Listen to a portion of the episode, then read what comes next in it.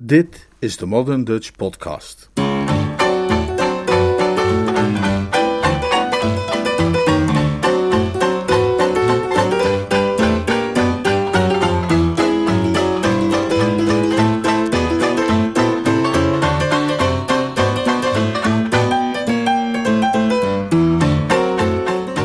Vandaag een eh, extra podcast. Eigenlijk een beetje in de stijl waarin oorspronkelijk de Modern Dutch podcast bedoeld was. Uiteindelijk eh, is dat er nooit van gekomen. Het is tot nog toe een eh, wekelijks een voorgelezen hoofdstuk of verhaal. Maar eh, oorspronkelijk was het mijn bedoeling om ook af en toe eens iets te vertellen over de persoon Woodhouse. Of een kritiek te geven op eh, zijn werk of dat van anderen dat met hem in verband gebracht kan worden. Of een verslag te doen van een Woodhouse eh, bijeenkomst of tentoonstelling of whatever. Dat is alsmaar niet van gekomen. Nu dan maar wel een keer. Ik, had, eh, ik was namelijk eigenlijk van plan een, een stukje te schrijven. Bijvoorbeeld voor Nothing Serious, het, het tijdschrift van de Dutch P.G. Woodhouse Society. Eh, over eh, het prachtige boek van Ben Schott. Dat hij eh, geschreven heeft met toestemming van de erfgenamen van Woodhouse. In de stijl van Woodhouse. Als een soort eerbetoon. Een homage to P.G. Woodhouse. Dat boek heet Jeeves and the King of Clubs. En het is inmiddels al een paar maanden geleden verschenen. En er is heel veel kritiek op geweest van allerlei Woodhouseianen in binnen- en buitenland. De meeste kritiek was, zoals gewoonlijk bij dit soort pogingen, negatief. Wat dat betreft zijn de Woodhouseianen, laten we zeggen, erg trouw aan de meester. En ze kunnen het slecht uitstaan als eh, mensen in zijn stijl proberen te werken of eh, iets op, op zijn werk eh, baseren. Ik herinner me verschillende uitgaven die pastiches genoemd kunnen worden. En die eigenlijk altijd door Woodhouseianen worden neergesabeld. Dat is niet altijd helemaal terecht. Ik heb van dit boek bijvoorbeeld ook erg genoten. Het is inderdaad waar. Het is, het is geen Woodhouse. Ik zal proberen dadelijk een paar punten aan te wijzen waarop het eh, verschilt van, van, van, van de meester. Maar dat is ook niet helemaal de bedoeling. Het is natuurlijk eigenlijk juist leuk om Woodhouseiaanse elementen te nemen en daar dan iets nieuws mee te maken met een voortdurende knipoog. Voor, voor een bepaald publiek dat Woodhouse kent is het leuk om daar iets mee te doen. Niet, niet helemaal weer hetzelfde. Er, is, er is al genoeg Woodhouse zou je zeggen. Eh, nou ja, anderen zullen misschien zeggen, er kan nooit Woodhouse genoeg zijn. Maar alleen, het is aardig om er iets mee te doen bij dit boek heb ik vooral ook genoten van de manier waarop hij nou net even iets anders doet. Het is heel knap gedaan. Ook heeft hij de, de nadruk vooral gelegd op spelen met de stijl van Woodhouse. Je kunt zonder meer eh, kritiek hebben op, op het plot. Dat is niet erg geweldig. Eh, het is niet echt veel plot. Eh, ik heb er verder ook niet zo op gelet, eerlijk gezegd. Ehm, dat doe ik bij Woodhouse ook niet. Die, die gebruikt al, gelijk altijd ongeveer hetzelfde plot voor alle honderd romans. Eh, daar gaat het ook helemaal niet om. Het gaat, het gaat vooral om de atmosfeer en, en, de, en de taal. Vooral de taal ook. En ja, dat vond ik dan toch wel erg aardig hoe Ben Schott daarmee speelt. Hij speelt er net niet te veel mee. Hij maakt het niet te gek. Maar hij gebruikt Woodhouseiaanse manier van schrijven. En doet dat dan eh, met in het achterhoofd het besef dat zijn publiek die stijl heel erg goed kent. En het eh, waarderen kan als hij daar ook hier en daar een grapje mee maakt. Ik had wel de neiging te denken dat de personages soms wat realistischer waren dan bij Woodhouse. Opvallend realistisch. Althans, dat ze realistische dingen deden.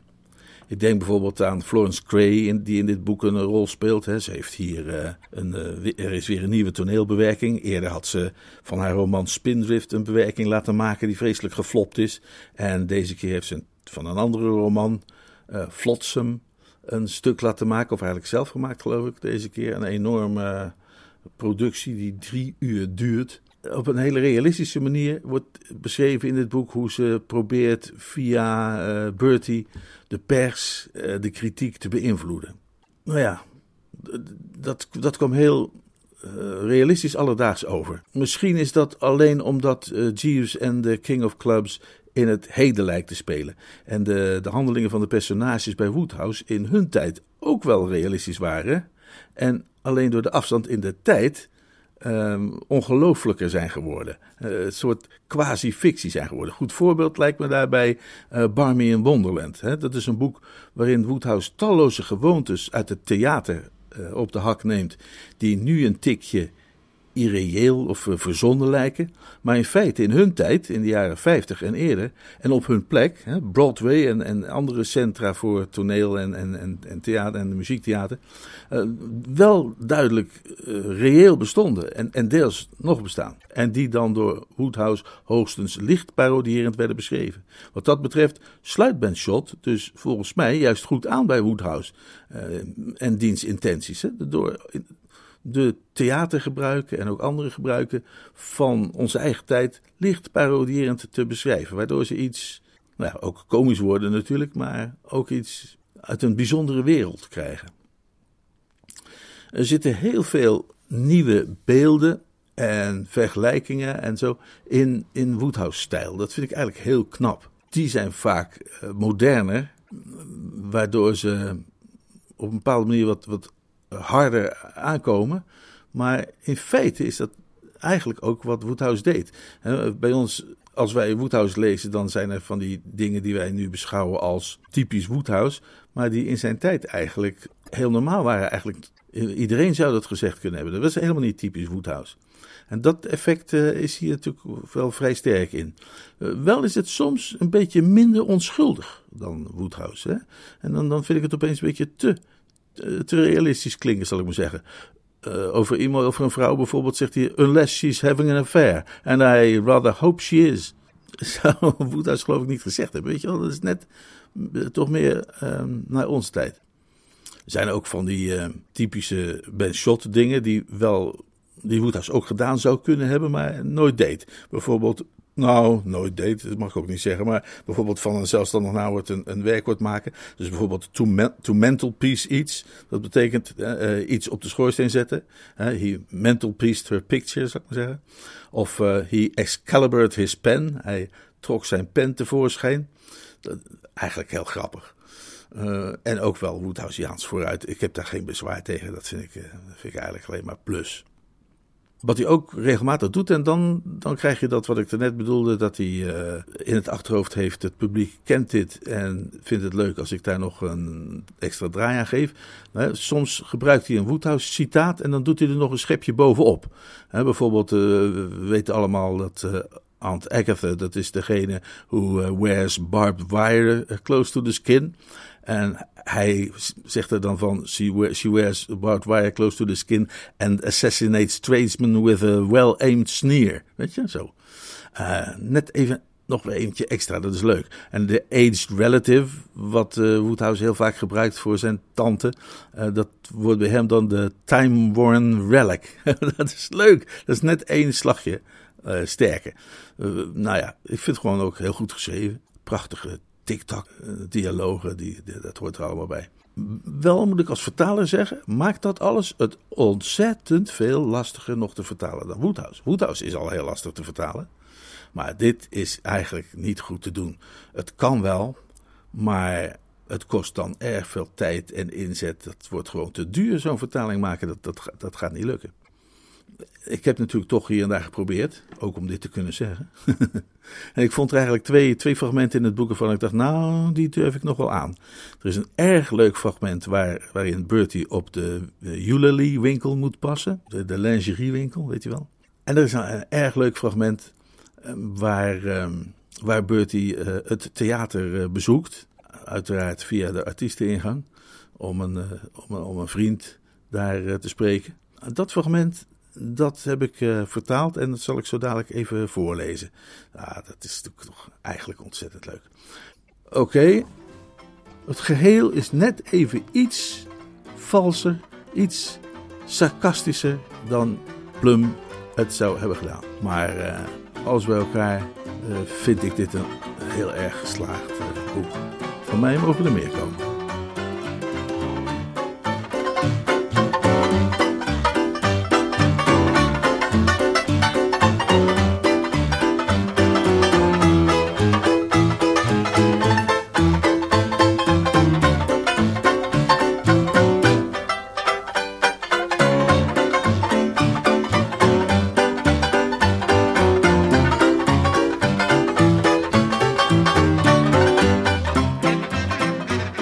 Fragment uit Jeeves and the King of Clubs door Ben Schott vertaald en voorgelezen door Leonard Beuger.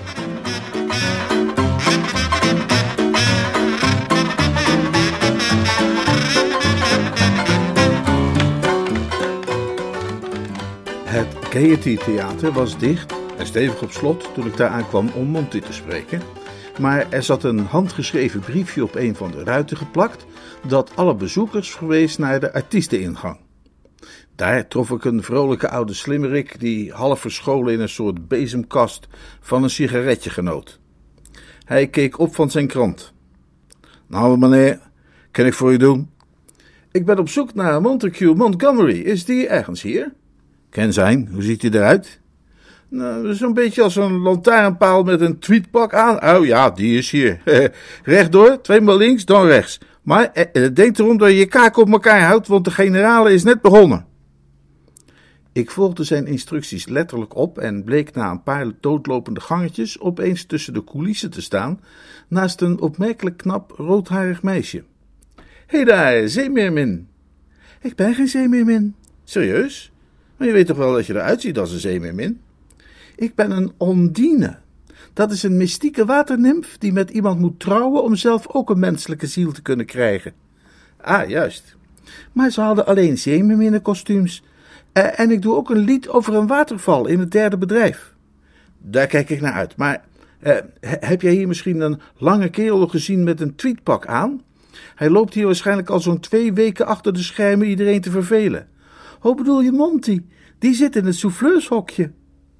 Ze wees in de richting van de voetlichten, waar onder een luifeltje dat om een of andere reden de vorm had van een grote schelp, Monty's hoofd tevoorschijn stak uit een gat in de toneelvloer. Hoe kom ik daar? Ze begon het me uit te leggen, maar besefte halverwege dat het makkelijker was om er even heen te brengen. We dwaalden terug door het labyrint van gangetjes en bochtjes en daalden een gammele trap af de duisternis in. Het was duidelijk, door het gestommel van voetstappen en het gekraak van planken boven ons hoofd, dat we recht onder de plek waren waar het allemaal gebeurde. Daar zit hij, fluisterde ze en wees op een verhogingje waar een paar benen op stond, beschenen door een duizelingwekkende straal licht van het toneel daarboven. Ik zocht voorzichtig mijn weg door het donker, dat een weerwar van touwen, katrollen en hendels verborg. Toen ik eindelijk bij Monty's broekspijpen arriveerde, was het niet meteen duidelijk hoe ik mijn aanwezigheid kon aangeven, dus ik tikte hem lichtjes op de punt van zijn linkerschoen. Hij tuurde naar beneden. Bertie, je bent er. Klim omhoog, kom naast me zitten. Monty scharrelde wat opzij en hees me naast zich op het verhogingje. Daar zaten we, schouder aan schouder, als twee bedremmelde kokosnoten en keken uit over de bühne. Terwijl een groep nautisch ogende figuranten driftig rondbanjerde achter op het toneel, was links op de voorgrond een getaande zeeman bezig een touw op te rollen en gaf intussen met een zwaar cockney-accent de lege een beschrijving van de ontberingen van het zeemansbestaan. Wat, wat, wat is er aan de hand, Monty? Fluisterde ik. Eerste bedrijf, eerste scène. Dat daar is vol matroos Banskin Muchmore met zijn openingsmonoloog. En elk moment kan Lady Cynthia Mandrake opkomen om hem te smeken haar te helpen als verstekeling aan boord te komen voor haar rampzalige reis naar Peru. Nee, ik bedoel, wat doe jij hier in dit souffleurshok? Je kunt het hier het allerbeste zien. Dat klopt, ja. En ik moet Lord Sidcup zien te ontlopen. Die hangt altijd om Florence heen om haar op een gluiperige manier te herinneren aan zijn aanzienlijke investering in het stuk. Dat is ook waar. En daarom heb ik mezelf benoemd tot souffleur. Waar heb je dan het script? Heb niet nodig. Ik ken het stuk uit mijn hoofd. Beter dan de meeste spelers, durf ik wel te zeggen. Inmiddels was Benskin Muchmore naar rechts op de voorgrond gekuierd onder het beschrijven van golven ze hoge kathedralen. Golven als die nog nooit een mens heeft overleefd. En hoe lang duurt die flauwekul, Monty? Uh, de pauze niet meegerekend, drie uur.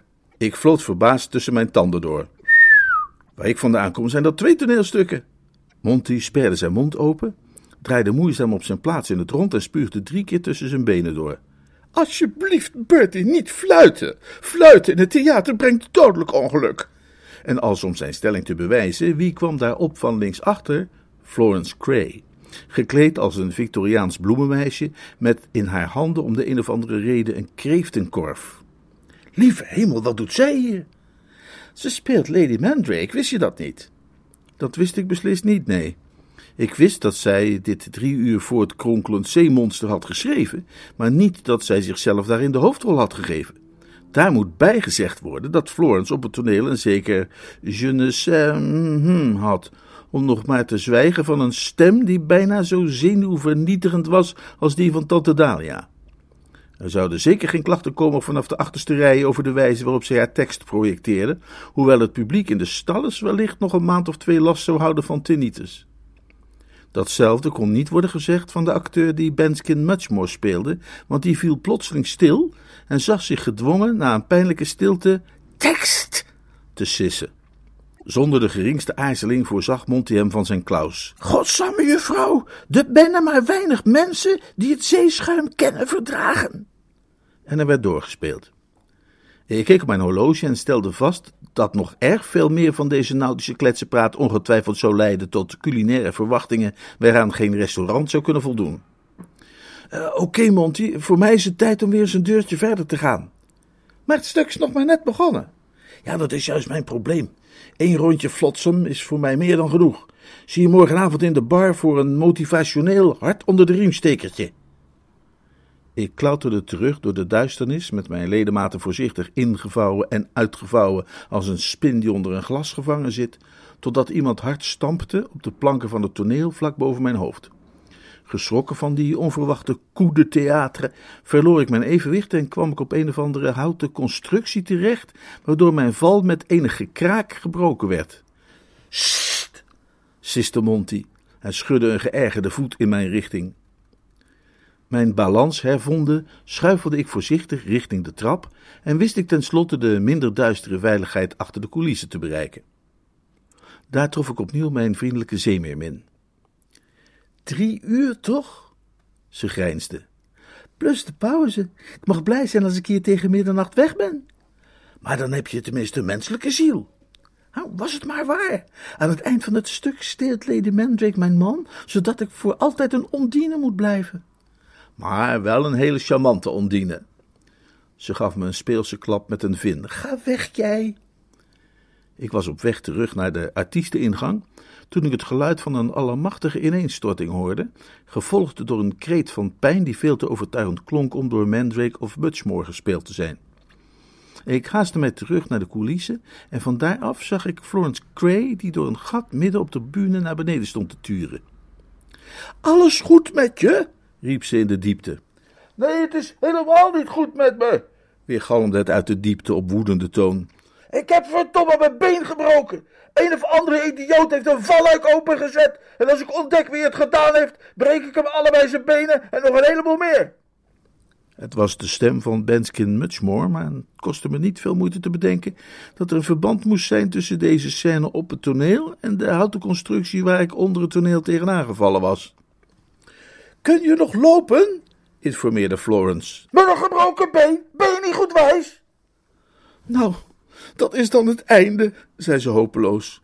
We hebben geen Benskin meer en dus geen stuk. Nog voor de première gestrand. Flotsam heeft straks nog korter gelopen dan Spindrift. Ergens tussen de voetlichten ontstond een ritselende beweging, en met de gedrevenheid van een Fred die probeert uit de broekspijpen van een Yorkshireman te ontsnappen, krabbelde Monty uit zijn hok naar buiten het toneel op. Ik speel die rol wel, riep hij uit, grijnzend en buiten adem. Ha, oh ja, dacht je dat, Monty? lachte Florence. Je hebt nooit eerder geacteerd, maar je valt in tijdens de generale en neemt zo bij de hoofdrol over? Nou ja, het is niet echt helemaal de hoofdrol. Dat is het wel, galmde het uit de diepte. Het is waar dat Benskin Muchmore verweg de meeste tekst heeft, gaf Monty toe, maar als je de subtekst beschouwt bij dit stuk, Subtekst? Daar hebben we helemaal geen tijd voor, voor subtekst. Maar luister, Florence, ik ken het stuk, ik ken de rol en morgen is de première. Je hebt helemaal geen keuze. The show must go on. Ze schudde haar hoofd. Een ongeletterde schippersjongen uit een Londense havenbuurt en jij zou die moeten spelen? Jij komt van een chique kostschool en je spreekt met een aardappel in je mond en een zilveren lepel tegelijk. Ik dacht het niet, Monty. Dit is geen Noel Coward. Er is een tij in alt menselijk doen dat een arme speler met de vloed bezeild op het toneel zijn uurtje praat en raast, of iets in die trant. Ik ben de precieze tekst even kwijt. Eh, ik wil maar zeggen, de uren komt en is nu, waarop het ware kok niet klinkt. Monty wierp zijn jasje op de vloer en rolde zijn hemdsmouwen op. Hij pakte de volle gloed van de voetlichten, nam een heldhaftige pose aan en declameerde uit zijn hoofd en in een perfecte Oost-Londense tongval de openingsmonoloog van Benskin Muchmore. Je zou een programmaboekje hebben kunnen horen vallen. Florence was de volmaakte verbeelding van het ongeloof en ikzelf stond trouwens ook behoorlijk perplex. Ik bedacht dat hoewel Monty nooit werkelijk op de planken had gestaan, hij wel altijd al een sociaal behendige chameleon was geweest. Elk van zijn drie baantjes vereiste van hem een ander soort persoonlijkheid, en waar ik hem daarbij in actie had gezien, vervulde hij die rollen perfect. Toen de laatste regel van zijn monoloog in de lege zaal verklonken was, bleef het enige geluid dat nog kon worden gehoord, dat van een woedende acteur die in verontwaardiging en frustratie met zijn hoofd tegen de planken bonkte aan de onderzijde van het toneel. Monty wendde zich tot Florence. En? Denk je dat ik die rol verdien? Oh ja, Monty, ja. En zelfs de mensen heel hoog op de goedkoopste plaatsen zouden hebben kunnen zien dat hij kennelijk nog veel meer verdiend had dan dat. Attentie iedereen, waarschuwde Florence spelers en technici. Over vijftien minuten van voren af aan met Mr. Montgomery in de rol van Benskin. Van voren in precies een kwartier, alsjeblieft. Terwijl het toneel in orde werd gebracht, riep ik Monty met een gebaar tussen de coulissen. Verdorie zeg, dat noem ik nog eens een auditie. Volgens mij heb jij schmink in je bloed. Het was fascinerend, Bertie. Elektrificerend als het ware. Ik heb altijd geweten dat ik bestemd was voor de spotlichten. En nu heb je er dus een vierde baantje bij. Oh, ja, wat, wat dat betreft, Bertie, eh, zou jij misschien. Tuurlijk, graag, jongen. Ik ga s'morgens rondlopen met jouw sandwichborden, smiddags voor je borden wassen, en s'avonds zal ik de gastheerrol van je overnemen in de hotspot. Echt waar? Dat vind ik nu echt ontzettend sportief van je. Nee, natuurlijk niet, halve zool. Ik heb mijn levenslange voorraad van goede daden voor de Montgomerys van Whitcomb intussen volledig uitgeput. Vanaf dit moment, beste knul, zul je het verder zelf uit moeten zoeken. Hij keek me aan met kille blik. Oh, gaan we het zo spelen, makker? Juist. Wat zou je er in dat geval van zeggen als ik Florence eens zou vertellen dat jij het was die dat valluik open heeft gezet? Wat dan, hè? Dan zou ik er helaas zowel Florence als Spode van op de hoogte moeten stellen dat ik jou vanmorgen met Madeline Bassett heb zien flirten. Zijn mond flipflapte open en dicht in de stijl van een karper op het droge. Ik denk dat het woord waar je naar zoekt, Monty, uh, schaakmat luidt. Huh? Maar nu ga ik er vandoor richting Simpsons, waar ik een pastei van rundvlees en niertjes ga verstouwen onder het genot van een fles rode wijn. Tuut, tuut. Maar Bertie, en die drie baantjes, Montague, weet je waar je die laten kunt? Steek die maar waar een beer zijn winterslaap doorbrengt. Pep pep! Ik schreed met ferme pas richting uitgang met een fris dat is dat gevoel, toen er vanuit de diepte nog een klagelijke stem weer klonk. Zeg, heeft er nu eigenlijk al iemand een ziekenwagen gebeld?